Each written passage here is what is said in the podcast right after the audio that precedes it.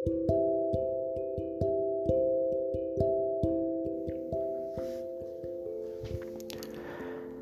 semuanya, sebelumnya terima kasih banyak ya telah senantiasa mendengarkan podcast pertama saya ini.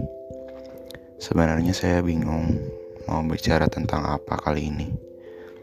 Tapi sesuai judul yang kalian baca, saya akan berbicara tentang itu. Sebelumnya nih, for your information, saya merekam podcast ini dengan alat rekam yang seadanya.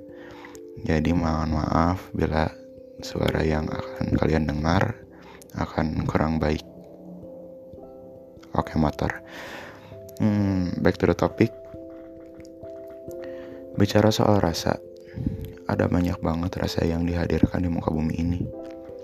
Mulai dari rasa manis, asam, pahit, asin, basah, dingin, hangat, panas, sakit, dan lain-lain begitu berwarna sehingga jujur itu membuat saya tidak terlalu suka untuk tinggal di bumi.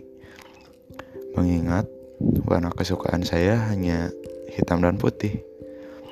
Sebenarnya menurut saya, rasa-rasa itu saling berkaitan sekaligus juga sangat membingungkan. Andai rasa bisa diolah langsung oleh kepala tanpa melewati panca indera, akan mudah sepertinya untuk paham akan sebuah rasa. Tapi kenapa anugerah untuk bisa merasakan sebagian dari rasa itu malah diberikan kepada hati?